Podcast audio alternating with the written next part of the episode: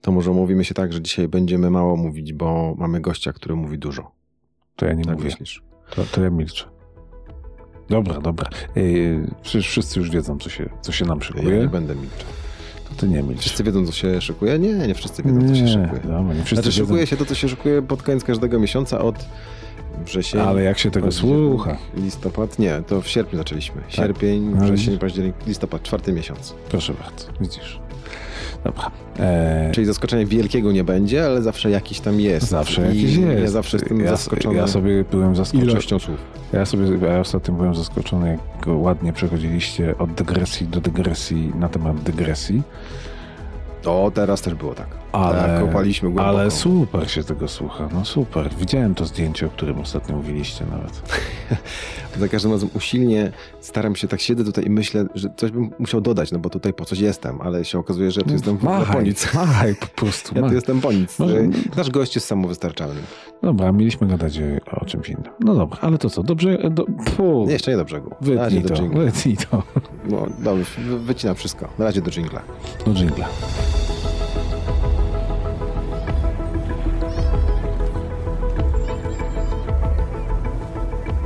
Nagranie i produkcja podcastu szumstudio.pl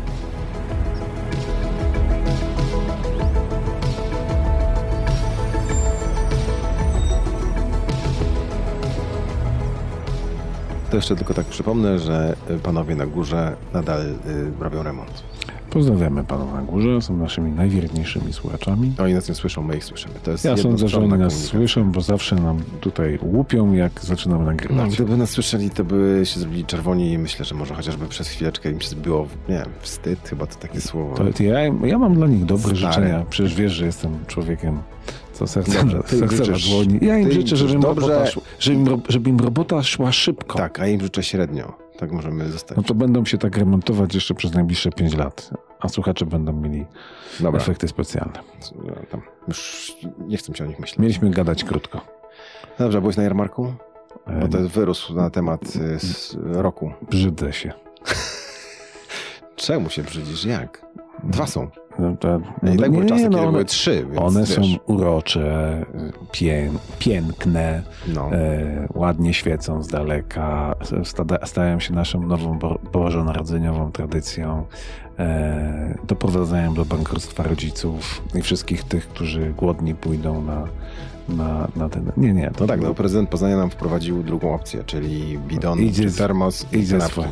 W ogóle, to, to, której przepraszam, to jest jakaś szkoły. To jest wyprawa na jakiś Mount Everest, że trzeba z jedzeniem tam iść, nie można wytrzymać? Nie wiem, może obóz pierwszy na jarmarku, obóz drugi na jarmarku, obóz trzeci. Myślę, że chodziło o to, żebyśmy po prostu mieli taki sygnał, że jest inny świat. Nie trzeba tam brać tej, tego chleba ze smalcem i pić wina w kubku i jęczeć w sieci, tylko że można wykorzystać tę okazję w inny sposób. Dobra, są dwie szkoły, mamy no, wybór. No to jestem z tej Oficjalny. trzeciej. Dopóki moje dzieci nie zobaczą jarmarku z bliska, to nie będą może chciały na niego iść, a jak nie będą chciały iść, to będę miał pieniądze na prezenty dla No, nich. czyli trzymać dzieci z daleka od y, miejsc, w których wydaje się pieniądze. Po, po co ja powiedziałem pieniądze na prezenty? To wiadomo, że święty Mikołaj przynosi, nie? Niektórym Gwiazda. tak, niektórym nie. No dobrze, y, mieliśmy nie gadać, gadamy jak zwykle. Y, Proszę Państwa, naszym gościem w 60. odcinku podcastu Tydym, z Poznania. Tak, fanfary. ty jesteś muzyką, ja jestem y, z głosem. W 60. odcinku podcastu z Poznania, druga wersja, występuje samodzielnie Zaskoczenie. na scenie z moim bardzo skromnym udziałem Adam Biernacki. O czym dzisiaj? Ulubiony. O czym dzisiaj? Muszę skończyć jeszcze. Przewodnik PTTK koła imienia Marcelego Mottego w Poznaniu. A dzisiaj y, nie powiemy o czym. Albo może i tak już pewno przeczytaliście. Idziemy na cmentarz zasłużonych. Dobra, zmusiłeś mnie do tego. O trupach? Mm, bardziej bym powiedział tak, y, o tej historii Poznania, o której niewielu z nas słyszało. Ja na pewno nie.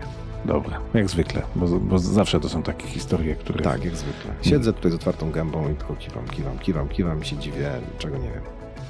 No to dla wszystkich, którzy chcą się dowiedzieć, czego jeszcze nie wiedzą. I tu macie Państwo możliwość te kanapki i ten y, termos z winem grzanym możecie już teraz sobie przygotować, bo przed Wami przez godzinę opowiada Adam Biernacki. No to listopad spędziliśmy w Oberży pod, Pod Złotą, Złotą Gęsią. Gęsią, tak jest. Jaki masz plan? Wychodzimy z oberży pod Złotą Gęsią, musimy się rozprostować trochę, mamy taki ładny listopad, taki nostalgiczny miesiąc. Przechodzimy sobie spod tej Złotej Gęsi przez Staryny i przechodzimy sobie przez Plac Sapieżyński, bo my jesteśmy w XIX wieku i ujdziemy sobie na wzgórze Świętego Wojciecha. Jest listopad, pójdziemy sobie na cmentarz. Już zahaczaliśmy ostatnio, ale wracamy. zahaczaliśmy, ale wracamy. Powiem sobie dzisiaj tylko o tym cmentarzu. Co tam takiego na cmentarzu jest? Dlaczego to jest cmentarz zasłużonych Wielkopolan? Skąd się biorą cmentarze zasłużonych i tak dalej, i tak dalej. No, tam to- można trochę pochodzić. tam można pochodzić, tam cały dzień można pochodzić, się wszystkiego nie zobaczy, a cmentarz ma w zasadzie tylko dwa hektary powierzchni, prawda? Aż, aż dziwne, bardzo trzeba pod nogi patrzeć, bo tam bardzo dużo widać, jak się lepiej przyjrzeć.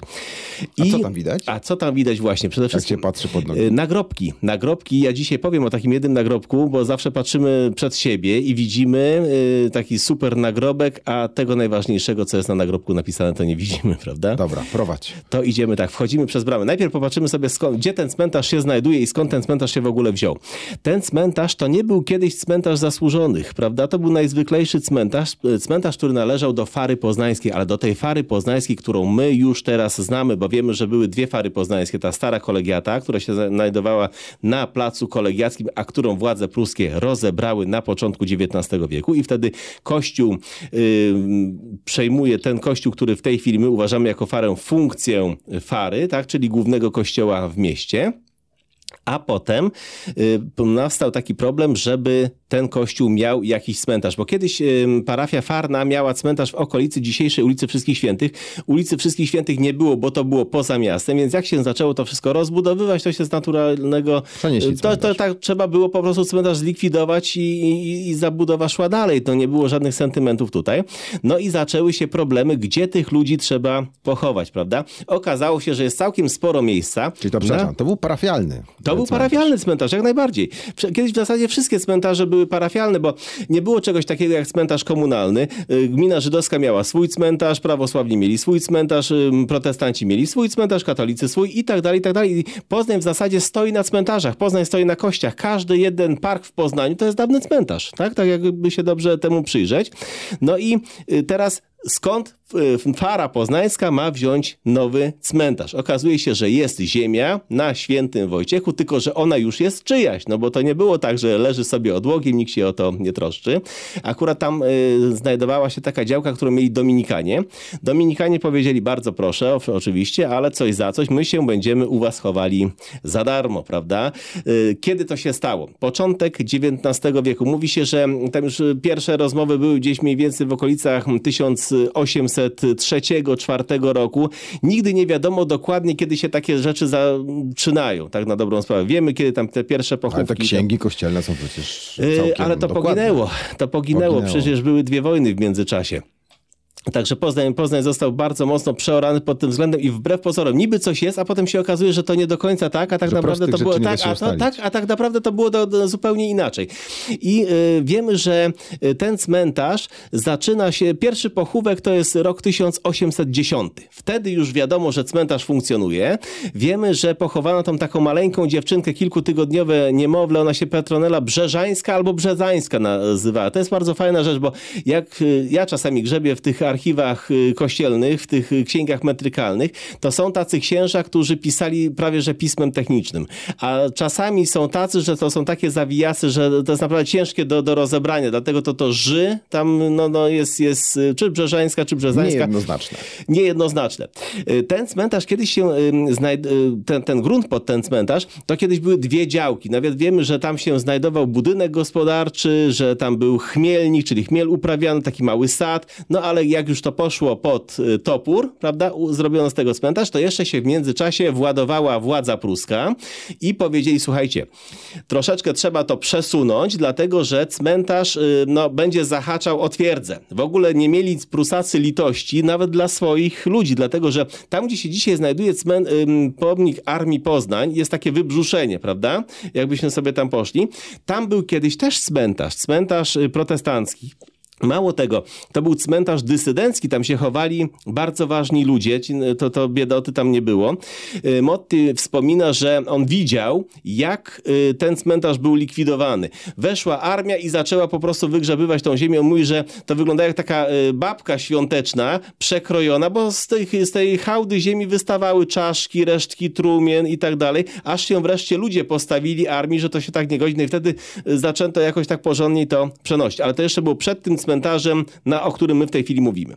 Startuje cmentarz, zaczynają się pierwsze pochówki, no i zaczyna się klasyka gatunku, to znaczy Cmentarz musi wyglądać porządnie, tak? Tylko kto za to zapłaci. I biskup y, poznański, y, Tymoteusz Gorzeński, wydaje taki dekret, gdzie pisze, że należy cmentarz ogrodzić murem, aby po grobach nierozumne zwierzęta nie chodziły i tylko ani grosza na to nie dał. A przecież to był najlepiej zarabiający człowiek w Poznaniu, bo biskupi poznańscy zarabiali, y, to był rząd 12 tysięcy talarów rocznie. Najlepsi lekarze w Poznaniu zarabiali 10 tysięcy. Marcin Koski na przykład, czy doktor Wolf chociażby, prawda?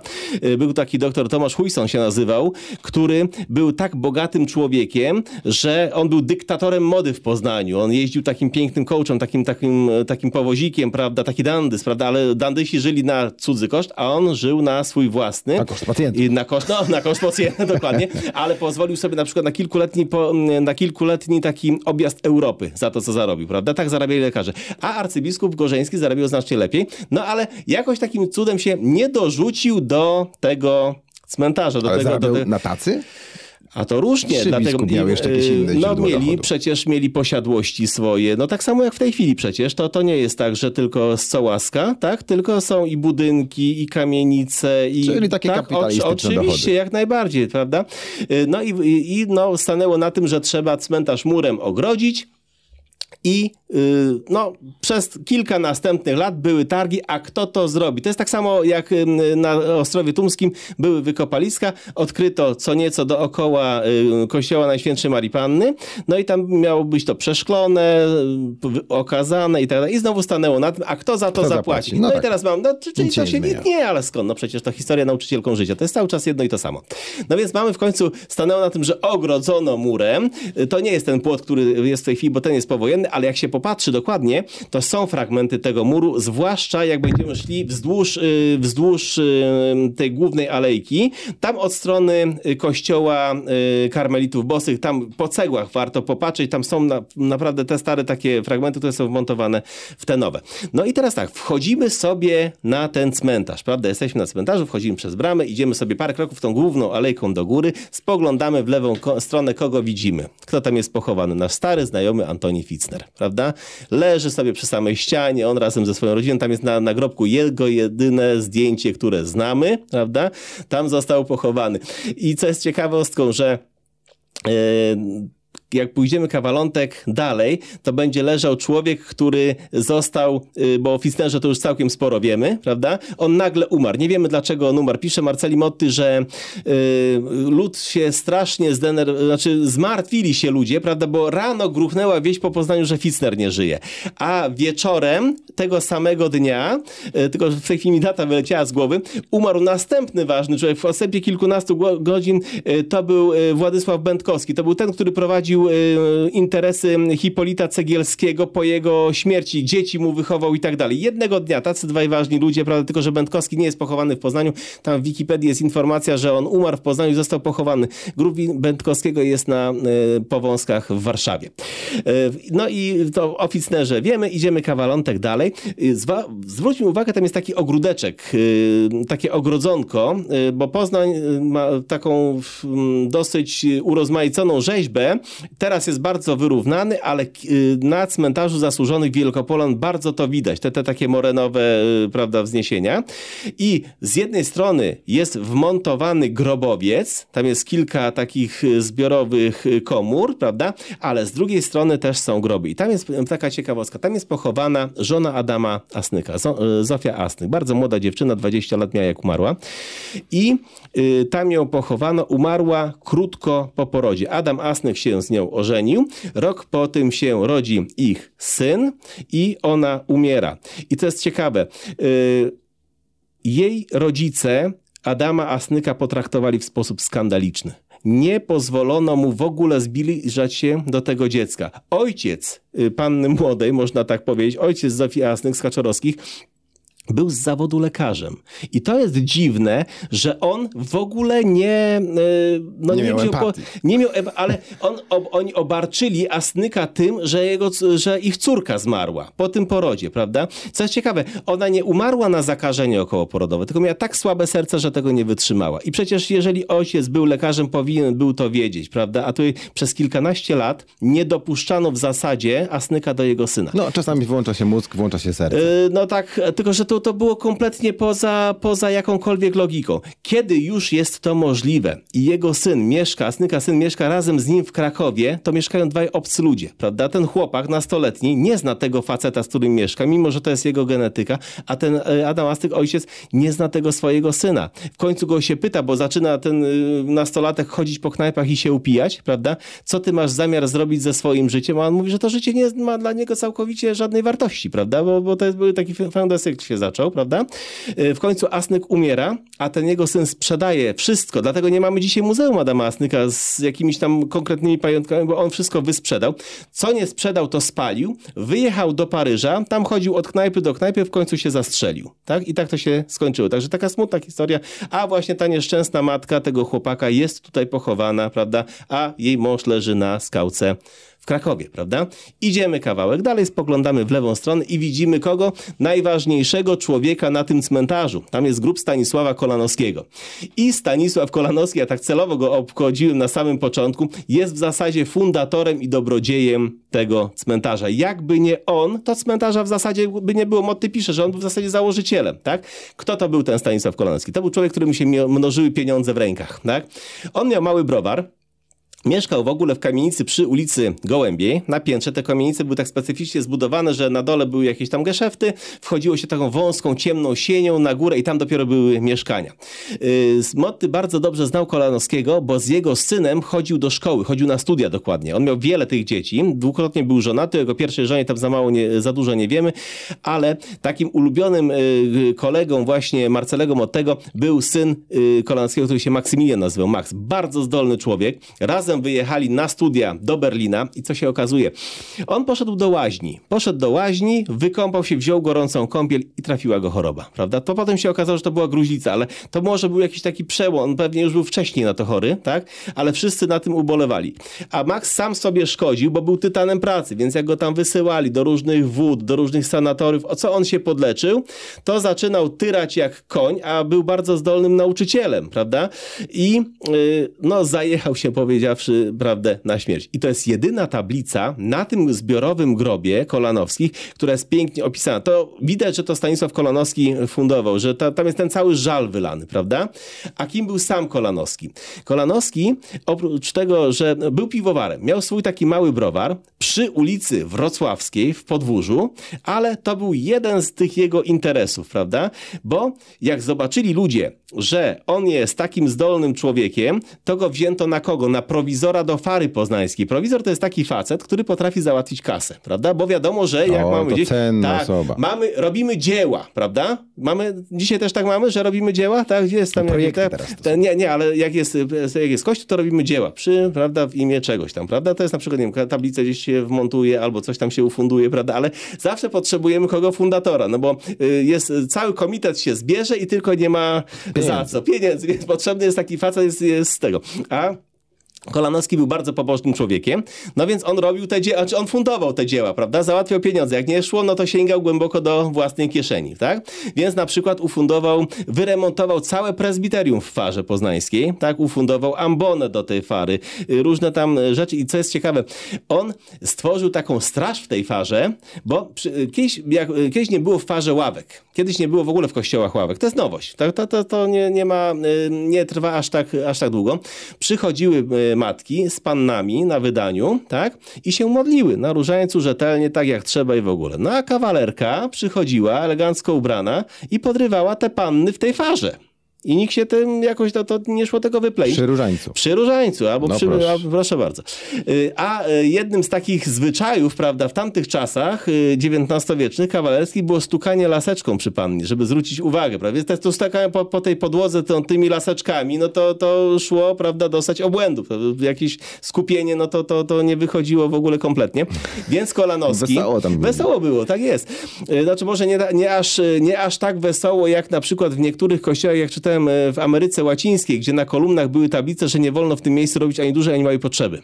To u nas aż tak nie było wesoło, tak? Więc Kolanowski wynajął kilku takich dwumetrowych drabów, zapłacił im, dał im taki pomocnik w rękę, takiego no, może nie baseballa, prawda, ale też taką lagę i oni patrolowali, to, y, to, to byli y, tacy oficjalni strażnicy właśnie, tacy, tacy bodyguardzi, prawda, w ym, katedrze, nie w katedrze, tylko, tylko w farze poznańskiej i jak któryś tam zaczynał się nieprawowiernie zachowywać, to go brali za kołnierz, wyprowadzali go za tą farę, wytłumaczyli mu przy okazji tego, na, y, przy użyciu tego narzędzia, że tak się nie robi, no i już był spokój na jakiś czas, prawda?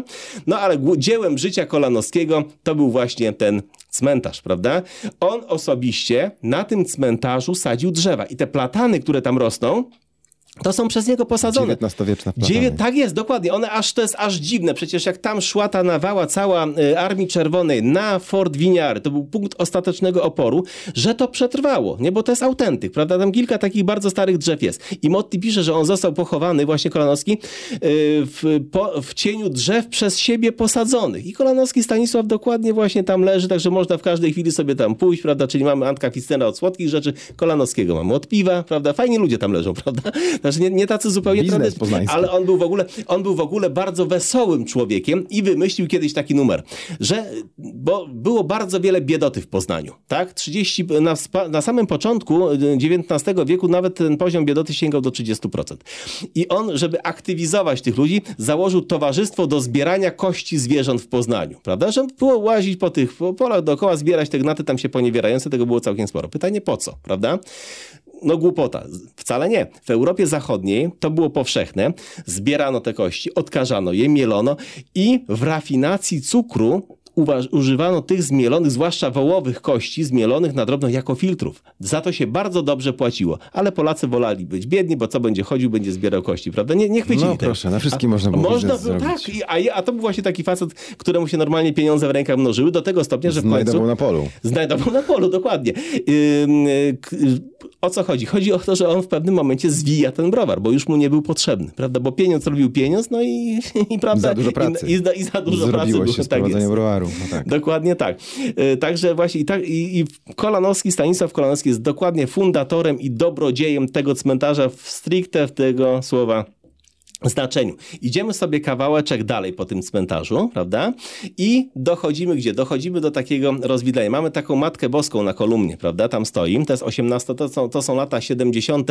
XVIII wieku. Być może August Szops go y, wy, wyrzeźbił. To jest ten sam, który y, wyrzeźbił fontannę Prozerbiny na Starym Rynku. Takie są przypuszczenia, bo tam nigdzie nie ma chyba sygnatury.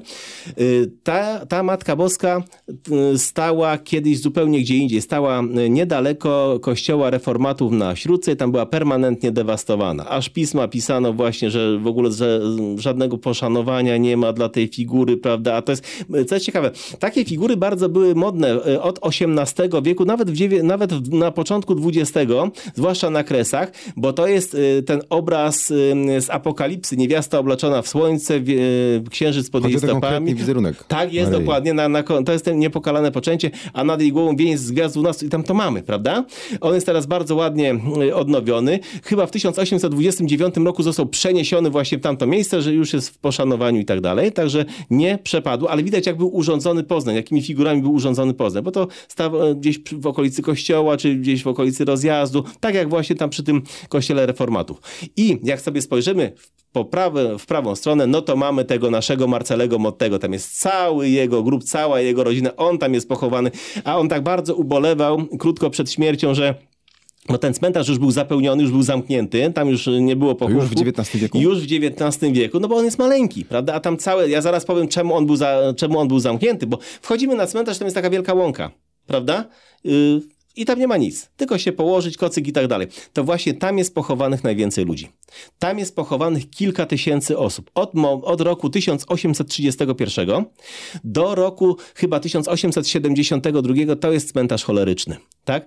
I tam nie wiemy ilu było po pierwsze, Czyli anonimowe groby. Anonimowe groby. I to jest cały, cały ten potężny, y, no większość w zasadzie tego cmentarza, prawda? Prawie, no może nie większość, ale prawie połowa. Tam nie wolno kopać. Tam były groby kopane na głębiej nawet niż dwa metry. Pierwsze te pochówki to jest rok 1831, epidemia cholery, prawie 600 osób tam pochowano, a potem nie wiemy kiedy. Czemu? Żeby, no mieliśmy niedawno pandemię, prawda? Żeby uniknąć histerii. No ludzie też mieli nerwy. Umierali w różnych warunkach, prawda? Zabierano, no jed wyobraźmy sobie, że choruje na cholerę cała rodzina, prawda? Y, umierają za dwie osoby, zabierają ich. Nie wiadomo, gdzie ich zabrali, nie wiadomo, gdzie oni leżą, prawda? Y, całuny y, zasypywane wapnem, prawda? Trumny zasypywane wapnem. No, gdzieś w tym miejscu jest pochowany. A potem następny, następna epidemia i jeszcze jedna, i jeszcze jedna. Były takie czasy, że co 3-4 lata była epidemia cholery w Poznaniu. Taki był poziom higieny w, w, tego w Poznaniu. Szliśmy przez plac Sapieżyński, prawda, czyli dzisiejszy plac Wielkopolski, tam był staw, prawda, i do tego stawu spływała woda z rynsztoków z całej okolicy bez odpływu. Co tam się musiało dziać? Przecież mówiłem kiedyś chyba, że y, jeden z odwiedzających Poznań powiedział, że dom jego, y, kamienica, gdzie mieszkał jego przyjaciel, była otoczona głębokim rynsztokiem, w którym płynęła wszystko oprócz czystej wody. Tak? To co to musi... No to stąd, stąd ta cholera, prawda, się brała, tak? No nie mogło być inaczej. No nie mogło być inaczej, a jeszcze, jeszcze armię przemieszczała się i tak dalej. I teraz, y, i to jest właśnie miejsce, gdzie jest cmentarz choleryczny, zachowany. Gdzie był jeszcze? Tam, gdzie się dzisiaj znajduje Volkswagen w Poznaniu, był następny, Górka Choleryczna. Czy tam jeszcze jest, tego nie wiem, ale był też cmentarz y, położony, tylko że y, jedni mówią, że to była epidemia cholery, a drudzy, że ci ludzie umarli na dżumę. Tam, gdzie się dzisiaj znajduje kupiec poznański, tam był cmentarz, nie wolno tego ruszać, prawda? I raptem tego cmentarza nie ma. Wiadomo, że kupiec poznański był budowany niedawno, ale przedtem tam były kamienice, tak? Czyli mniej więcej w tamtym okresie ludzie sobie odpuścili wszelkie sentymenty i ekshumowali tych, y, no, dużo ryzykując następną epidemię, tak? Czyli widzimy, ile tego się mieściło. A ten cmentarz choleryczny jest zachowany in situ, że tak się wyrażę, prawda? To wracamy do tego Mottego. I on tak bardzo właśnie ubolewał, że, y, że już go tutaj nie wyniosą. Mnie, on tak, mnie to już chyba gdzie indziej zaniosą, bo tam już nie tego. Nie, zrobili mu wyjątek, bo, takie, bo on jest pochowany w grobowcu. Tam jest cały grobowiec jego rodziny. Prawie cała rodzina tam jest jego pochowana, ale jest ta, pewna tajemnica. Otóż przed tym grobowcem gdzie leży na pewno Marceli Motty, jest taki kawałek, taki spłachetek trawy, prawda? I kiedyś rozmawiałem z kimś i mówił, że jest takie podejrzenie, że tam może być pochowany Stefan Cegielski, bo nie wiemy, gdzie jest pochowany Hipolit Cegielski, nie wiemy, gdzie jest pochowany Stefan Cegielski. Dlaczego akurat tam? Dlatego, że druga żona Stefana Cegielskiego była z domu Motty, prawda? Więc to była jego rodzina. Ale chyba tak się nie stało. Czemu? Bo kiedy y, Paulina Motti, y, Paulina y, przyjeżdża do Poznania po II wojnie światowej, to te cmentarze, gdzie była pochowana jej rodzina, czyli cmentarz Świętomarciński, który by, tam, gdzie się dzisiaj znajduje Park Słowackiego, on się tam znajdował, i cmentarz Nowofarny, czyli kontynuator tego, na którym my w tej chwili jesteśmy, a który się znajdował tam, gdzie dzisiaj Targi Poznańskie, są zlikwidowane. Likwidacja to jest rok 1942-43, prawda? Przy czym to było tak e, likwidowane, że jak była cała trumna, tak, metalowa, albo na przykład e, taka, która miała góra 15 lat, to przenoszono, a cała reszta to był przemioł, prawda? E, władze niemieckie, kiedy to likwidowały, Zleciły to takim ludziom, no takie Sonderkommando było, prawda? Tam byli sami zróbcie najgorsi, porządek, że zróbcie porządek. No to pewnie się tam, to, to powiem tak, no w, tak jak w wojsku, prawda? Yy, byli też lepsi i gorsi żołnierze, więc yy, prawda jest taka, bo troszeczkę w tym pogrzebałem, brano Żydów, prawda? Upijano ich, tak? I kazano im grzebać w tym grobach za zegarkami, za pierścionkami, za obrączkami i tak dalej. I tam nie było żadnego poszanowania, prawda? Więc co się stało z tymi szczątkami i tego Stefana Cegielskiego trudno powiedzieć. Przyjeżdża ta Paulina, y, ta jego żona y, do Poznania i bierze ją na stronę jeden taki znajomy grabarz i mówi, że on pochował jej męża y, w takim anonimowym grobie przy ulicy Bluszczowej na tym cmentarzu. Więc ona się ucieszyła, ale za chwilę potem zwątpiła w to, co on mówi, bo mówi, że on otworzył trumnę i mówi, to był na pewno pani mąż, był we fraku pochowany i tak dalej. A ona wiedziała, że męża nie pochowała we fraku. Tak?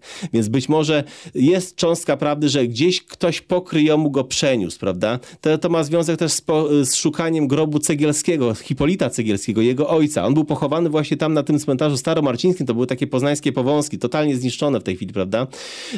I nawet była taka fantastyczna, no, na poważnie potraktowana opowieść, że on może być pochowany na Rakowicach w Krakowie, bo tam Zofia Cegielska leży, jego, jego rodzina, prawda? No ale teraz weźmy sobie pod uwagę, to jakby go mieli przewieźć? Prawda? Y, do tego No i Krakowa. po co? I po co przede wszystkim? I kto by miał to, kto by wy- wstawił pozwolenie na to? 42 rok, prawda? Y, Kiedy przejazd y, bez ważnej krękarty, nie? To, to można skończyć w obozie koncentracji. Kto by miał to zrobić przede wszystkim? Tak? Za, za jakie Czyli to pieniądze? jeszcze wojna jest. Tak. To jest jeszcze, są jeszcze czasy wojny. To są jeszcze czasy II wojny światowej, kiedy to jest likwidowane. No, więc prawdopodobnie prawda jest taka, że albo tego Hipolita Cegielskiego i Stefana Cegielskiego przenieśli na ten cmentarz przy ulicy Samotnej, karygodnie zaniedbany zresztą, albo prawda jest taka, że te szczątki Hipolita Cegielskiego przepadły, bo jest, y, tam była y, wykopana szczelina przeciwlotnicza, taki bunkier przeciwlotniczy w czasie II wojny światowej. A ze Stefanem Cegielskim y, ktoś widział podobno w dokumentacji, że są trzy skrzynie z napisem Familie Cegielski pochowane na cmentarzu przy ulicy Samotnej, prawda? Tylko, że każda, każda trumna to jest skrzynia, a nie każda skrzynia to jest trumna. I w tych skrzyniach szczątki ilu osób kto tam był? Jedna wielka zagadka, nie wiemy, prawda? No to idziemy dalej, jak już tego nie rozwikłamy. Y, Po, jest taki y, grup, y, idąc dalej, taka kolumienka. Ona na górze miała płomień. Tam jest pochowana rodzina Dziorobków. Ten płomyczek, z tego co widziałem ostatnio, spadł, może będzie odrestaurowany. Yy, tragedia, taka, taka krótka tylko wzmianka. Ta rodzina spaliła się żywcem podczas pożaru yy, Starego Rynku na początku XIX wieku. To jest takie właśnie, dlatego mają ten płomień. A zaraz kawałeczek dalej leży pochowana taka bardzo ważna yy, postać dla miasta Poznania, w zasadzie pierwsza, pierwsza pani historyk w mieście Poznaniu. Ona się nazywała Maria Wicherkiewiczowa. No każdy, kto się zajmuje historią troszeczkę miasta Poznania wie, kto to była Maria Wicherkiewiczowa. Prywatnie ona się nazywa Maria Sławska. Była rodzoną siostrą Rogera Sławskiego, tego wybitnego architekta, który wybudował nam, y, który nam wybudował y, bro, y, y, nie browar poznański, tylko bazar poznański. Ba, browar może też, ale ja, ja tam nic o tym nie wiem. W każdym razie y, bazar Czyli nie poznań- wybudował. Y, Nie, on, on ładniejsze nie rzeczy, wiesz, on, nie on budował. browarów nie budował, on budował, on budował bazar poznański, nie tylko zresztą. To była jego siostra, oni byli z Szamotu i ona e, wyszła za mąż za e, takiego doktora, który się nazywał e, Bogdan Wicharkiewicz. I e, on był okulistą. Miał brata Bolesława Wicharkiewicza, profesora i tutaj oni w ogóle pochodzili e, z północy, z nadmorza, ale tutaj przyjechali, z, zrobili sobie, zbudowali sobie klinikę okulistyczną. Do tej pory ten budynek istnieje, bo tam się znajduje przy Świętej Marcinie y, taka restauracja, która się Drewny Kocur nazywa. To jest, to, to jest budynek z epoki, tam w ogóle mieszkało wielu lekarzy. przy kościele. Zaraz przy kościele, dokładnie. I tam y, Wicherkiewicz otworzył tak dobrą klinikę okulistyczną, że nawet ludzie z Kanady przyjeżdżali się leczyć właśnie na oczy. Co jest ciekawe, jest taka fajna, taka fajna historia historia. Że y, Wicherkiewicze nik, nikogo nie zostawiali bez opieki, uratowali wzrok pewnemu rabinowi. Ten rabin tak był wdzięczny, że przywiózł wodę z Jordanu i jedno z dzieci Wicherkiewiczów tą wodą zostało ochrzczone. Także no, no, na wszelkie sposoby prawda, byli wychwalani. A Maria Wicherkiewiczowa, już tak ją nazywajmy, y, miała zabezpieczony byt, nie musiała się męczyć właśnie jakąś tam pracą zawodową i nie mitrężyła tego czasu, tylko była pierwszą taką panią, która zaczęła porządne kwerendy porządkowania, szukania i tak dalej po archiwach poznańskich, prawda? I była pierwszą taką panią, która zaczęła to wszystko y, upowszechniać, pisała książki, pisała własne wspomnienia O opisy- Poznaniu? o Poznaniu, jak najbardziej są, opisywała ten Poznań, ale na przykład napisała taką fajną książkę, y, taką y, no, opartą na historii Jan Quadro z Lugano, o Janie Baptyście Quadro, który przyjechał, to jest, to jest, to się pięknie czyta, bo to jest taki archaiczny język, ta, ta mentalność i tak dalej, ale naprawdę bardzo dużo zrobiła w tym, w tym kierunku, także to była taka pierwsza, pa, taka pierwsza poznańska pani historyk, troszeczkę samouk, bo ona nie miała wykształcenia w tym kierunku, ale y, zrobiła bardzo dużo. Mało tego, ona miała talent malarski i chodziła po okolicy i uwieczniała ginące zawody. Także nap, napisała, na, narysowała na przykład takiego miodosytnika z Chwaliszewa. Na Chwaliszewie ten, czy miodosytnik, czyli ten, który robił miody pitne chociażby, nie? Także naprawdę bardzo dużo można jej zawdzięczyć i teraz leżą właśnie y, w jednym grobie z tym swoim mężem, okulistą, a jej szwagier z kolei dosłużył się stopnia profesorskiego. On w ogóle też był takim ciekawym człowiekiem renesansu. Y, Praktykował potem w Krakowie i co się okazało? Zaraził się jakąś chorobą podczas operacji, zanieczyścił sobie prawe oko. W obawie przed utratą wzroku wyjechał do Budapesztu, poddał się operacji na własną prośbę usunięcia tego oka, żeby to jedno zdrowe zostało i jako jednooki okulista operował do końca życia. Ten umarł na raka, jest pochowany na Rakowicach w Krakowie. Także takie, takie rzeczy też się, też się zdarzały. Tak a propos mówiliśmy o, o cmentarzu przy ulicy Samotnej, prawda?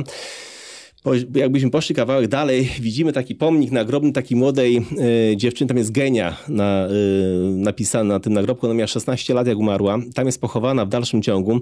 To jest jeden z najpiękniejszych nagrobków miasta Poznania, dlatego został zabrany z tej ulicy Samotny, bo był połamany na, na kawałki farbą olejną, pomalowany i tak dalej i w ten sposób go y, uratowano. Także powstaje takie lapidarium, być może za jakiś czas tam będzie więcej tych, tych nagrobków, bo no, wandale robią to co, to, co robią, jak się pojedzie na tą ulicę samotną, doskonale widać to, co jest. Ale to jest właśnie, ona miała właśnie no, jeden z najładniejszych nagrobków tam, prawda? I nie sposób było go tak po prostu zostawić, prawda? Zresztą jest jeszcze jeden bardzo ładny nagrobek. Po przeciwnej stronie cmentarza stoi taka, siedzi taka dziewczyna pod krzyżem, prawda?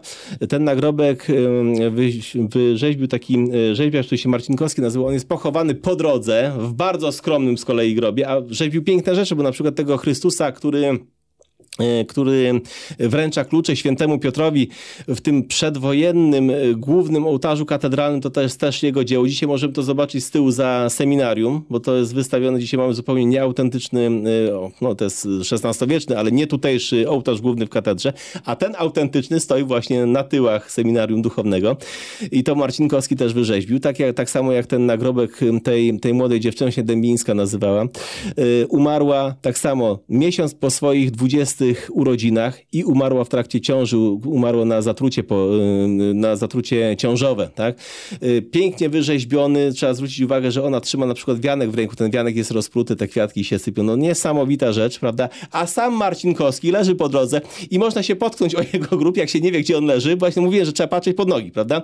Bo to jest w zasadzie płyta tak lekko wystająca, wystająca ponad, y, ponad ziemię, prawda? Co jest ciekawe, nie znalazłem tego ostatnio jak byłem, może dlatego, że tam blusz rośnie, ale kiedyś na tym cmentarzu, i to pokazywano, była macewa. Normalna żydowska macewa. Teraz pytanie, dlaczego? Czy tam był ktoś właśnie taki pochowany na gościnnych występach, czy po prostu była taka zawleczona? Ale no, blusz coraz, coraz mocniej się rozrasta. Nie widziałem tego ostatnim razem. Może... A było to możliwe? Było to możliwe. Czemu nie? No, no, A katolicki no, cmentarz? Tak, ale z drugiej strony no Poznań zawsze taki był, że, że no był cmentarz żydowski w Poznaniu. Ostatni cmentarz żydowski znajdował się na... Zresztą można go zobaczyć, kiedy jedziemy ulicą Głogowską i spojrzymy w bramę zaraz za targami. Tam jest fragment taki wydzielony. Tak, kilka grobów zostało. Kilka grobów zostało. Tam w ogóle przyjeżdżali specjalnie rabini z Anglii, żeby sprawdzić, bo to no, w obrządku żydowskim nie wolno grobu ruszać do, do, do, do końca świata. On się musi zapaść w ziemię i tak dalej. Nie? No to, to jest ostatnie takie miejsce. Kto wie, może też, może w czasie II wojny ktoś przeniósł ten grób, prawda? No różne rzeczy się zdarzają, niczego nie możemy, nie możemy wykluczać, prawda? Ale jesteśmy na, gór, na w dalszym ciągu na górze. No nie sposób nie przejść obok generała jakiego? Taczaka, prawda? Pierwszy dowódca powstania wielkopolskiego i to jest ciekawostka, bo to jest wojskowy, który do pracy przychodził w garniturze, a nie w mundurze. To jest, to jest właśnie takie coś. Pierwszy dowódca, który potem oddaje swoją, e, oddaje swoją funkcję generałowi Dowborowi Muśnickiemu. Pytanie dlaczego? No wtedy jeszcze Taczak nie był generałem. Z dwóch powodów. Pierwsza sprawa to jest taka, że miał niższy stopień troszeczkę. Druga sprawa to była taka, że y, Taczak był y, oficerem z awansu, prawda? On się piął po, tej, po tych szczeblach kariery i miał mniejsze wykształcenie wojskowe niż Dowbor Muśnicki. Dowbor Muśnicki miał wykształcenie, można powiedzieć, akademickie, ale ciekawe, on się kształcił w Rosji, bo ani, ani y, generał Taczak, ani Dobor Muśnicki nie byli z Wielkopolski. To jest ciekawe, że... że no to... tu odsyłamy do rozmowy z Markiem Merzlerem, który nam to wszystko ładnie opisał. Tak, właśnie to jest jest to, nie? Że to jest taka, taka ciekawostka, prawda? I dlatego on właśnie oddał tą władzę, prawda? Że chodziło po prostu o to, żeby człowiek, który miał no, pewnie i większe kompetencje, prawda? Ale y, też ranga tego powstania na to wskazywała, prawda? Czyli, ale mamy tego generała Taczaka. Generał Taczak umarł e, w roku chyba 1960. E, strasznie został potraktowany, bo on brał udział w czasie II wojny światowej w walkach na zachodzie, przyjeżdża do kraju i potraktowano go tak, jak potraktowano wielu ludzi, którzy byli bardzo zdolni, ale no, byli ale niebezpieczni. nie w tym, ale miejscu, nie w tym miejscu, co trzeba. Nikt mu nie chciał dać pracy. On zamieszkał w Malborku i gdyby nie pomoc rodziny i znajomych, to by z głodu umarł. Taka jest prawda. Nie? Tak jak wielu innych ludzi, którzy wyjeżdżali z kraju, jak tylko mogli, do Stanów czy gdzieś, prawda, żeby po prostu móc normalnie pracować, móc normalnie funkcjonować. I dopiero dużo, dużo później helikopterem przetransportowano szczątki generała e, Taczaka do Poznania, uroczysty pogrzeb i tak dalej. W tym miejscu go pochowano, gdzie w tej chwili leży, ale co jest ciekawe, na jego pogrzebie nie było żadnego wyższego oficera. Dalej mu nie podarowano. To jest coś, coś okropnego, prawda, że, że w ten sposób został potraktowany. No Schodzimy... jestem w stanie sobie to wyobrazić. No właśnie. Schodzimy sobie troszeczkę niżej i widzimy taki słup, na którym jest y, figura takiego, no y, to mówi się, to są figury geniuszy, prawda? Tam jest pochowany prezydent miasta Poznania Szymon Wroniecki. To jest w ogóle grup rodziny Wronieckich. Ale nas nie interesuje w tej chwili prezydent Poznania. To, co mówiłem, patrzymy pod nogi. Na postumencie jest dosłownie wydrapane w betonie, prawda, nazwisko Waleryja Pufkę przez dwa F. Genialna nauczycielka, jedna z najlepszych nauczycielek w historii miasta Poznania. Przedszkolanka. Co, skąd ona się wzięła? Ona I dlaczego była genialna? i dlaczego była genialna? Bo to była pani, która uruchomiła pierwszą dla polskich dzieci szkółkę freblowską w Poznaniu. Genialna osoba. Jej ojciec był Niemcem, mama była Polką, tak? Mama była nauczycielką, tłumaczyła biegle z pięciu języków obcych, między innymi z czeskiego i pisała podręczniki, na przykład podręcznik do fizyki też napisała, tak? I co? I mała Waleria poszła najpierw do szkoły do Kostrzyna Wielkopolskiego, potem do tej słynnej szkoły Ludwiki, bo można było w, szko- w szkole Ludwiki w Poznaniu y, szybko zdobyć patent nauczycielski bez zbędnych y, narodowo-wyzwoleńczych targów, bo inne stancje dla panien miały problemy ze strony władz, a to była szkoła niemiecka i robi genialne posunięcie. Wyjeżdża do Francji. Gdzie wyjeżdża? Do hotelu Lambert. I tam uczy jako młoda nauczycielka dziewczęta, które są córkami tamtejszej szlachty. I Polskiej. tak, w hotelu Lambert, prawda? I uczy tę dziewczynę, jednocześnie ma znajomości u szlachty polskiej, jest w Paryżu, ma wszystkie te nowinki w zasięgu ręki, ćwiczy sobie języki francuski, ćwiczy sobie język angielski, bardzo biegle w tym języku potem mówiła. Przyjeżdża do Poznania i z miejsca dostaje angaż, gdzie y, była taka pensja Anastazji Warnki. Też jest Anastazja Warnka pochowana na cmentarzu zasłużonych Wielkopolan, za chwilę do niej pójdziemy, prawda? Uczy, rozwija się, kształci się, ale widzi, że nie ma jednej rzeczy. Otóż, kiedy dzieci y, przychodzą do wyższych, y, na wyższe poziomy kształcenia, trzeba je, że tak powiem, wyrównywać, prawda? System pruski był bardzo rygorystyczny, prawda? Więc program był określony. Ale każde dziecko jest inne. I ona wpadła na pomysł, że przecież w Poznaniu już działają dwie takie szkółki, takie przedszkola fachowe, systemu właśnie freblowskiego, ale polskiej takiej szkoły nie ma. Polskie dzieci były pod tym względem bardzo zaniedbane. Pewnie dlatego, że też były biedniejsze, więc tam starsze wychowywały młodsze, albo gdzieś tam się w jakichś ochronkach to wszystko odbywało, a ona otwiera taką szkółkę. Na czym to polegało? Był taki pan, który się Frebel nazywał i on zobaczył, że każde dziecko prawda, jest jak taka roślinka, prawda, to potem Janusz Korczak to też rozwinął, prawda, że nie ma dziecka, tylko jest człowiek, prawda, do każdego trzeba mieć indywidualne podejście, prawda, i on zaczął raz, że patrzeć, ten Frobel, na te dzieci oddzielnie, prawda, odrębnie, ale druga sprawa, że on je uczył kontaktu ze światem, więc one się bawiły drewnem, ziemią, piaskiem i tak dalej i poznawały, jak to się wszystko rozwija, jak to wszystko działa. I, No to w czasach tej pruskiej szkoły to musiała być kompletna no rewolucja. więc o to właśnie chodzi. A ona, kobieta, prawda, które zawsze kobiety miały w Poznaniu pod górę, prawda, robi taki występ. Ona nie jest ani Polką, e, ani Niemką, prawda, jest polską nauczycielką i idzie na całość, prawda, otwiera właśnie przy ulicy Strzeleckiej, otwiera właśnie taką, y, taką szkółkę freblowską. I mało tego, ona pisze podręcznik. Jest ten podręcznik, można go sobie poczytać, on jest zdigitalizowany. Tam są wszystkie gry i zabawy, jak trzeba rozmawiać, jak trzeba zaśpiewać i tak dalej, i tak dalej. Miały te dzieci w Poznaniu, właśnie w kamienicy miały swoją szkółkę. Na podwórku były ćwiczenia fizyczne, a za tym podwórkiem, za tylnym wyjściem był jeszcze ogród, prawda? I one były holistycznie kształcone, prawda? I to jest ciekawe, że ta Waleria Pówka, ona, ona nigdy nie miała własnej rodziny, bo to była jej jedna wielka rodzina i właśnie dlatego jak umarła, jest pochowana y, w grobie Wronieckich, bo jej babcia była Wroniecka z domu. To była jej rodzina, prawda? Także takie coś. A nie ma jakiejś super tablicy i tak dalej. Ja zawsze mówię, takie kobiety powinny być, czy Waleria Pówka na przykład, czy Emilia Szczaniecka i tak dalej, pochowane w krypcie zasłużonych Wielkopolan. Tam sami mężczyźni leżą z jakiejś przyczyny. Ciekawe dlaczego, prawda? Przecież one zrobiły... No bo mężczyźni ich tam wstawiali pewno. Trudno powiedzieć, ale y, to jest, to jest potwornie niesprawiedliwe. Ja uważam, że y, przede wszystkim dlaczego powinny leczyć y, kobiety organiczniczki? Bo miały większą fantazję, bo po prostu potrafiły się w tym wszystkim jakoś lepiej poruszać, a nie tylko fabryka, polityka i tak dalej, prawda? To, to, jest, to, to jest do naprawienia. W tej krypcie jest bardzo dużo miejsca jeszcze, prawda? No i, i właśnie Waleria Pówkę powinna być jedną właśnie z takich pań, które tam powinny spocząć, a nie, że tylko na tym, chociaż powinna być lepsza tabliczka. Za, mimo, z tego, że... co mówisz, to ledwo ją widać. Ledwo ją widać. Trzeba wiedzieć, gdzie popatrzeć. Ja prowadziłem spacer kiedyś po e, cmentarzu zasłużonym Wielkopolem, musiałem palcem pokazać. Tak? Na tym. Ciekawa rzecz. Yy, wziąłem kilka, yy, wydrukowałem kilka yy, piosenek z tego, z tego podręcznika i dałem je osobie, która się na tym zna. Wie, zostały odtworzone od ponad 100 lat, nikt tego nie grał. Jakie piękne melodie dla dzieci, prawda? To są zabawy opisane i tak I dalej. Ona sama pisała te melodie? Część pisała sama, a część powiedziała, że korzystała ze starszych. Także to, to jest no, niesamowita, a poza tym psychologiczne podejście, że trzeba, że trzeba tak prowadzić zabawę, żeby każde dziecko się bawiło, żeby żadne nie czuło się gorsze i tak dalej. My dzisiaj Amerykę odkrywamy, prawda, że któreś tam dziecko może być troszeczkę bardziej wycofane albo coś, nie? A ona to robiła w Wszystko XIX. Już było. Wszystko już było, tak? To jest właśnie to, to piękne powiedzenie z historii, wszystko już było, to to starożytne, prawda?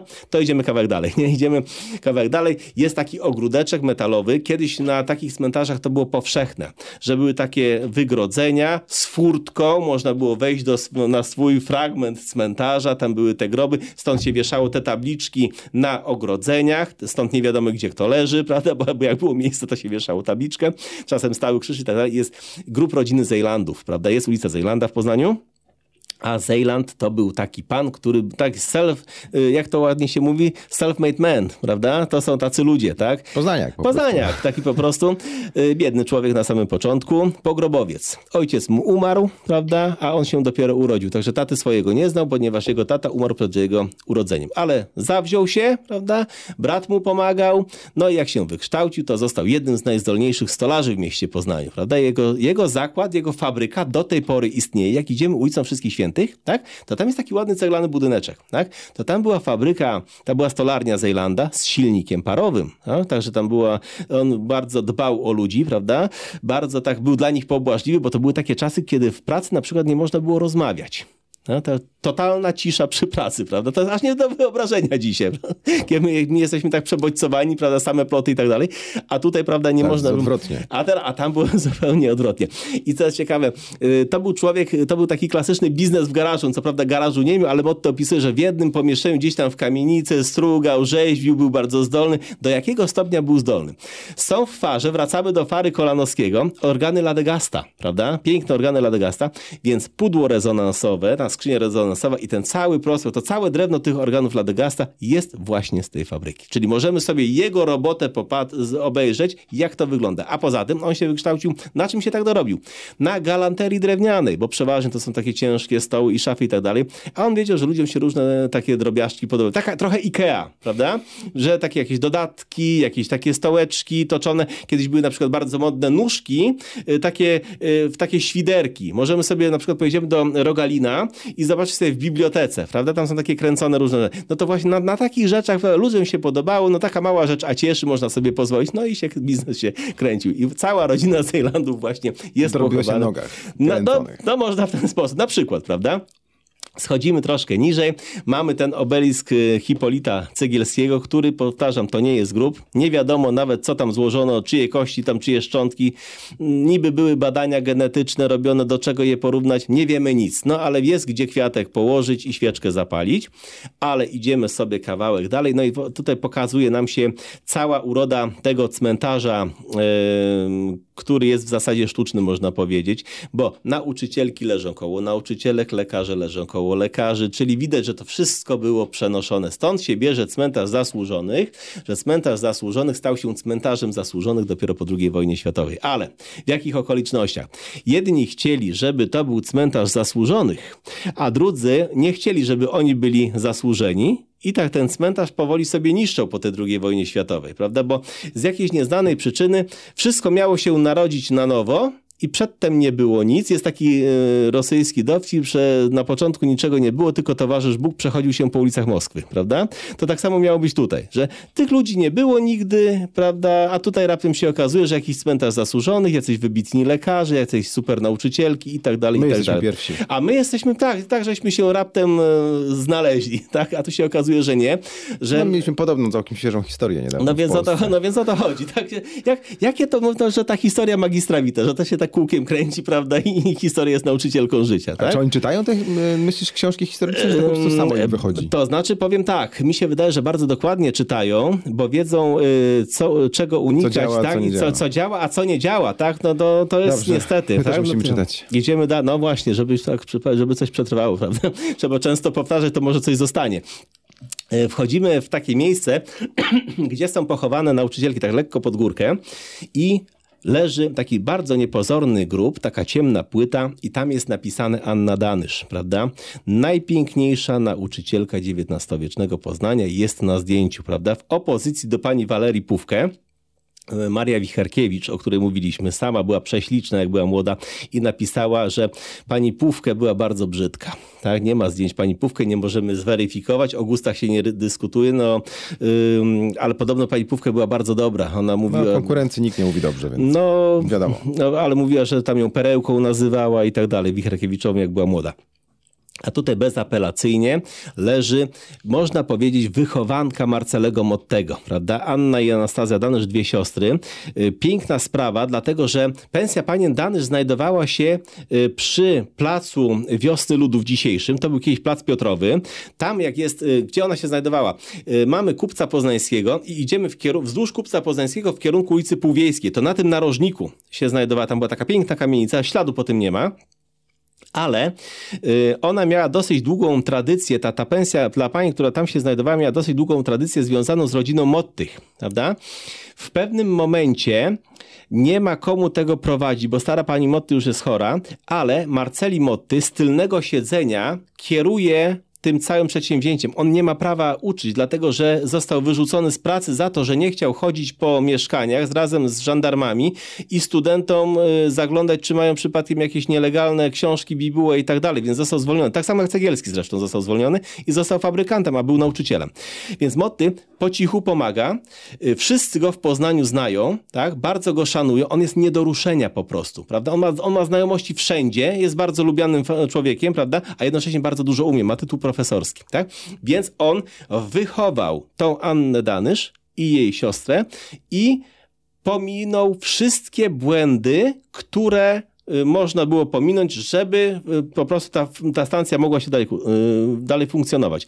I Anna Danysz uzyskuje dokumenty, odpowiedni egzamin i może prowadzić tą pensję dla panien, prawda? Tam rozszerza naukę, prawda, o język angielski, który nie był popularny, ale już było wiadomo, że on wejdzie, czyli już jest poza epoką, to już widać, widać tej y, myśleniem od tego, popełnia jeden błąd. Jaki? Tylko Anna Danysz ma dokumenty pozwalające na to, żeby ta, y, żeby ta, Żeby szkoła y, żeby szkoła- a jej siostra już nie. Anna Danysz jest bardzo nerwową osobą, prawda? I te dolegliwości psychosomatyczne ją dobijają, prawda? Ona w końcu, jak się dowiaduje, że y, chciała przekazać, bardzo źle się czuła, bardzo chorowała, chciała przekazać siostrze. Okazuje się, że to jest niemożliwe. Znajomy prawnik, znajomy od tego, mówi, słuchajcie, sytuacja jest taka, trzeba najpierw y, szko- szkołę zdać, a potem szkołę wziąć, prawda? papiery wam władze pruskie podpiszą, że wy zdajecie, tak? ale czy ten drugi nauczyciel dostanie pozwolenie, to już nie wiadomo. Nie? I Danysz co robi? Prowadzi to do śmierci, aż nie padła, prawda? Yy, próbowała to przejąć i uratować inna wybitna nauczycielka, która jest pochowana zaraz obok, prawda? Przez, przez y, dróżkę, Helena Rzepecka. Helena Rzepecka stanęła na głowie, na rzęsach, zrobiła co mogła, prawda? Sprawy sądowe i tak dalej. Nie udało jej się, prawda? Ale Rzepecka robi coś innego. Rzepecka, kiedy już sama jest y, schorowana, kiedy już się musi wycofać, w swoim domu prowadzi takie tajne komplety. Ona mieszkała w jednej z tej zniszczonych w latach 70. XX wieku kamienic, na narożniku ulicy Piekary. I tam raz, że sama prowadziła szkołę, ale drugi raz, że napisała podręcznik, rewelacyjny podręcznik, gdzie, który działał na takiej zasadzie, że jak tylko umiałeś czytać i pisać, to sam się wykształciłeś w literaturze polskiej. Taki, prawda, dla samouków, no genialnie pomyślane. Wystarczy, że umiesz alfabet i coś tam wydukasz, to sam osiągniesz pewien poziom, prawda? To jest takie samo nakręcające się. To jest właśnie, mówię, te kobiety potrafiły cuda robić, prawda? I nic o nich nie wiemy. I nic my o nich nie wiemy, dlatego my o tym teraz mówimy, tak, żebyśmy się o nich czegoś dowiedzieli, prawda? I ona próbowała przejąć tą pomoc, nie dało rady. No władze pruskie też się uczyły, widziały, że, że tam się dzieją takie rzeczy. Następna sprawa ciekawa. Zaraz obok, i to jest, jest takie powiedzonko, że śmierć wszystko równa, prawda? Obok Anny Danysz leży Anastazja Warnka. Następna genialna nauczycielka miasta Poznania, krewna Karola Libelta. Wychowywała się w domu doktora Mateckiego. Zaraz pójdziemy do doktora Mateckiego, bo to była bardzo liczna rodzina. Tam było dużo sióstr i one się pożeniły, powychodziły za mąż za różnych wybitnych ludzi, prawda? Jedna wyszła za Karola Libelta, druga za Mateckiego, za Warnkę wyszła trzecia. I, yy, ta dziewczynka, yy, jak była mała, Karol Libelt powiedział, idź do szkoły Wiktorii nie tutaj, nie, nie walcz, prawda, tylko rób papiery. I ona tak poszła. A to była zupełnie inna mentalność niż Danyszówna, prawda? Taka jowialna, prawda, wyśmiewna i w ogóle, i w ogóle. Gdzie sobie powsta gdzie powstaje jej pensja dla panien? Dokładnie naprzeciwko. Jak dzisiaj pójdziemy na plac Wiosny Ludów, to tam jest taki fundament, tam gdzie stoją te budki takie różne, prawda? Jest tak te, te, ten po, potwornie zaniedbane miejsce i tam widać taki kawałek muru. Tam była piękna kamienica. Jedna z najpiękniejszych kamienic miasta Poznania. Fajne miejsce. Cudowne miejsce i tam była na drugim piętrze, no pierwsze, drugie piętro, ta, ta pensja dla panien były forniry, były y, na y, piękne sztukaterie, y, były materiałami obite, to była pier, to była luks, klasa. Dlaczego? Dlatego, że Warnka zobaczyła, które rzeczy się sprawdzają, a które nie i włożyła wszystko na jedną kartę. Mało tego, ona czekała, to jest ciekawostka, bo to jest tak, że my myślimy sobie, że tak się wszyscy Polacy wspierali w czasie tego zabór, ta najdłuższa wojna nowoczesnej Europy. Nie, tylko, no to, to, to, też się nie zmienia a przez tutaj właśnie i to dwie panie, prawda? Obie mądre, obie zdolne, obie ale do, panie czy nie panie, ale, panowie, ale właśnie to, to była najwie... czekała, czekała Warnka, aż się wysypie ta stancja, prawda, yy, dany szówny, ale Motty właśnie to przewidział i wprowadził właśnie yy, Annę Danysz i i, i, jej siostrę na stanowisko kierownicze, więc Warnka mówi, nie ma na co czekać, uruchamiam swoją, ale jak uruchomiła, to już było na co popatrzeć. Co miała wśród tych swoich gadżetów? Jak był ten pierwszy pomnik Adama Mickiewicza, Dłuta Oleszyńskiego za kościołem świętego Marcina. Mamy go na zdjęciach, prawda? Jak się posypał, był remont, to Roger Sławski dorobił do tego ogrodzenie do tej pory istniejące, a te dwie rzeźby chłopca, z tą, y, chłopca i dziewczynki, dziewczynka podawała Mickiewiczowi wianek z kwiatów, prawda? Y, pęcze kwiatów, nie wianek, a chłopczyk miał taką urnę symbolizującą upływ czasu, prawda? To z kolei Marcinkowski wyrzeźbił. Ten, który leży tutaj na tym cmentarzu z kolei, prawda? Więc skąd Warnka to wzięła, ale miała model na którym pracował Oleszyński w swojej paryskiej pracowni i wchodziło się po schodach i na półpiętrze stał, stał sobie ten Adam Mickiewicz. Więc do Warnki waliło wszystko, co żywe, prawda? Bo to był luks, prawda? To nic, to, to mm, PAL 6 y, system wychowawczy, który i tak był wysoki, no ale się było trzeba. Ale Fornier i pomnik zrobiły to swoje. tak, i te jedwabie i to wszystko. No szkoda, że tego nie ma. Widać na jakim poziomie były kamienice w XIX wieku w Poznaniu. To było coś, coś pięknego, prawda? No i też zatrudniała bardzo y, dobre nauczycielki, tak jak tą Walerię Pówkę chociażby, prawda? I było, co, co było jeszcze ciekawe, miała bardzo fajne podejście do wychowania y, młodzieży żeńskiej. Otóż y, były piloty tak zwane, znaczy dzisiaj tak się mówi w wojsku na przykład, czy gdzieś tam. Wchodziła pani Warnka do pokoju, pensja była żeńska, zamknąć drzwi i kiecka do góry. Patrzymy jaka jest, bo obowiązkiem była halka płócienna, zgrzebna, skromna bielizna i tak dalej, a nie jakieś tam koronki różne takie rzeczy. Mało tego, panny na miasto wychodziły minimum po dwie. Tak? A czemu? A dlatego, że kawałek dalej na Świętym Marcinie, tam teraz jest ulica Ratajczaka mniej więcej, to, to, no, to akurat tak się nie pokrywa, była taka... Yy, knajpa z salą taneczną.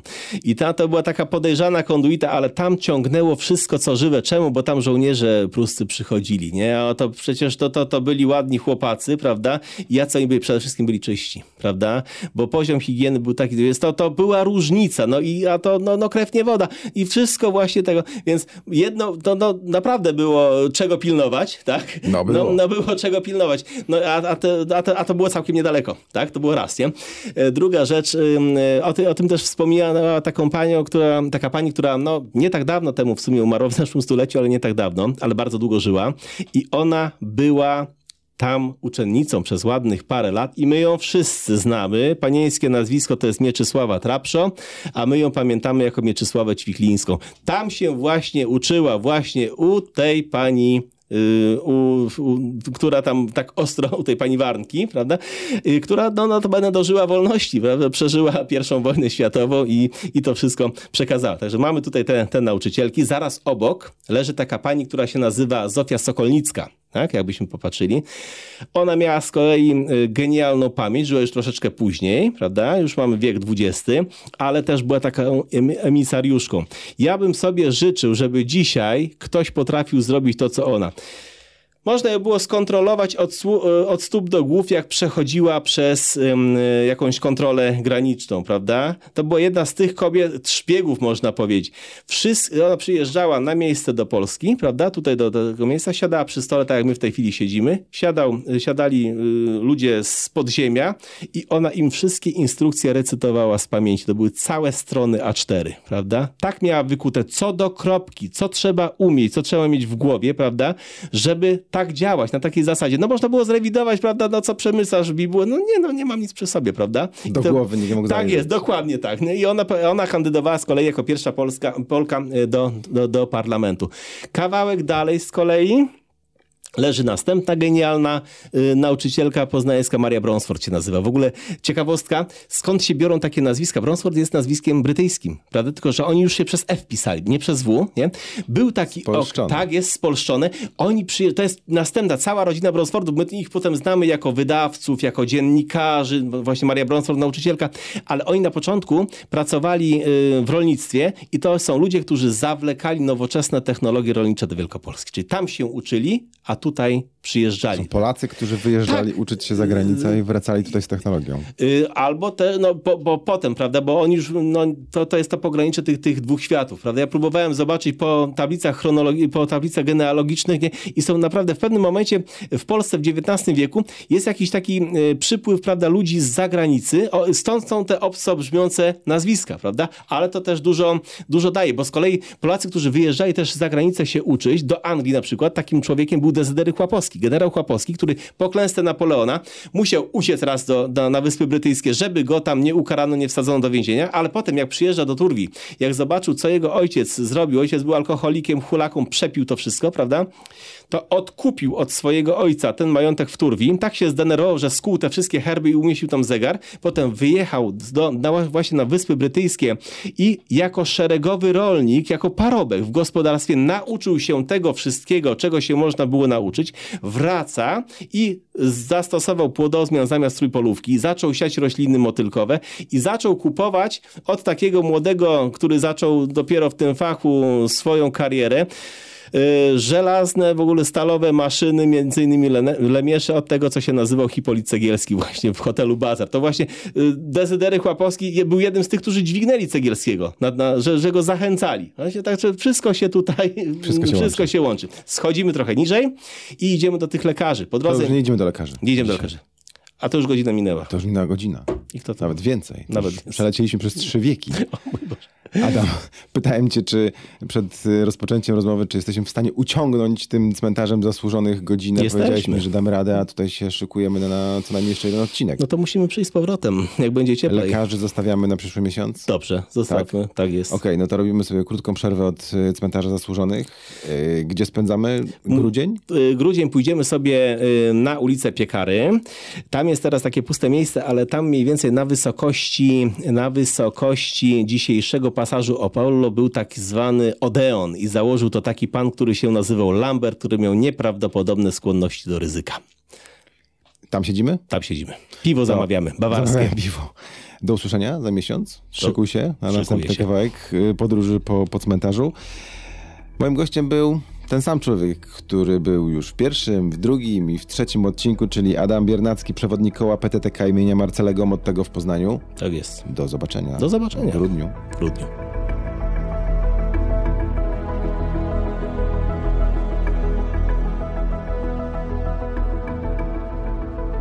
Zgłodniałeś, widzę, po tej rozmowie. Tak. I jak zwykle mam tą samą opcję, czyli albo kanapka i termos, albo karta kredytowa.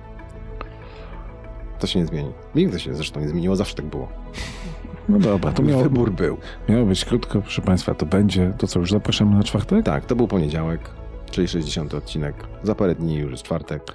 61 Brawo. odcinek. Czekałem, Oho, aż to um, powiesz. Umiem liczyć. Umiesz I liczyć. coraz bliżej setki. Mamy taką długą listę możliwości, które się mogą nam przydarzyć w czwartek, że nie powiemy wam, co, co się będzie działo. No w sumie, tak, w sumie będziemy mieli wybór. mieszamy wszystko ze wszystkim, jak wiecie. No właśnie, na pewno nie będzie Adama Biernackiego w czwartek. To bank. Nie mów hop. Mówię, tutaj spokojnie mogę powiedzieć, nie będzie Adama Biernackiego, będzie zupełnie ktoś inny. E, Na pewno świetną rozmową, jakbyście nie wiedzieli przy okazji, to pewno już chyba to mówiłem, nawet ty chyba mówiłeś, ale jesteśmy na YouTubie i o dziwo, na YouTubie całkiem sporo ludzi nas słucha. To jest y, A nie robimy żadnej reklamy. coś niesamowitego. No sama się robi z tego. Sama się robi. Ludzie tego YouTube'a jednak męczą tam na wszystkie sposoby. No widzisz, ale w sumie to nie dawałeś się przekonać, ja zresztą też. A jednak. A jednak. 60 odcinek podcastu z Poznania, druga wersja. A, a, a żebro, żebro ten? Żebro zdanie, żebro prośba na koniec? A nie, no to chciałem powiedzieć, że jest nas jak zwykle trójka. Michał Czajka Leszek Waligura. i Patronite, na który szczerze zapraszamy na was wszystkich.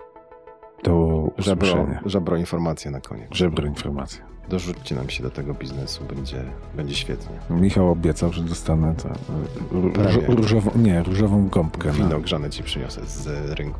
no, no, no, żeby mi o tobie nie przyniósł. Przyniesiemy się nawzajem, wyjdzie na zero. Do czwartku. Do czwartku. Do usłyszenia, dziękuję bardzo.